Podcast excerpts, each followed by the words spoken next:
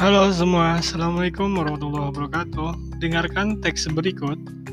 Nanti kamu tulis informasi penting yang kamu dapatkan dari teks yang bagus bacakan.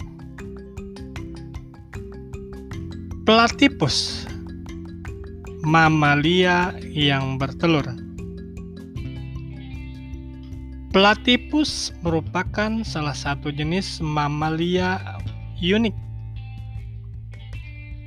Meskipun termasuk dalam golongan mamalia,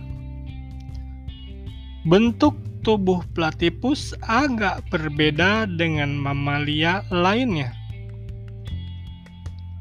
Platypus memiliki paruh seperti bebek. Kakinya berselaput dan badannya berbulu. Sekilas penampilannya seperti campuran antara berang-berang dan bebek. Platypus juga berkembang biak dengan bertelur. Bukan melahirkan seperti mamalia lainnya. Setelah bertelur, platypus akan mengerami telurnya selama 10 hari.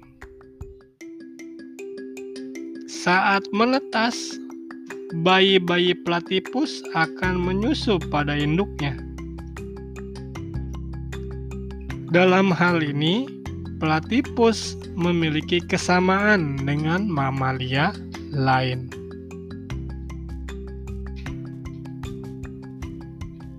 Terima kasih sudah mendengarkan rekaman audio ini. Kemudian tulislah informasi penting dari bacaan yang sudah bagus bacakan. Terima kasih. Silahkan mengerjakan. Assalamualaikum warahmatullahi wabarakatuh.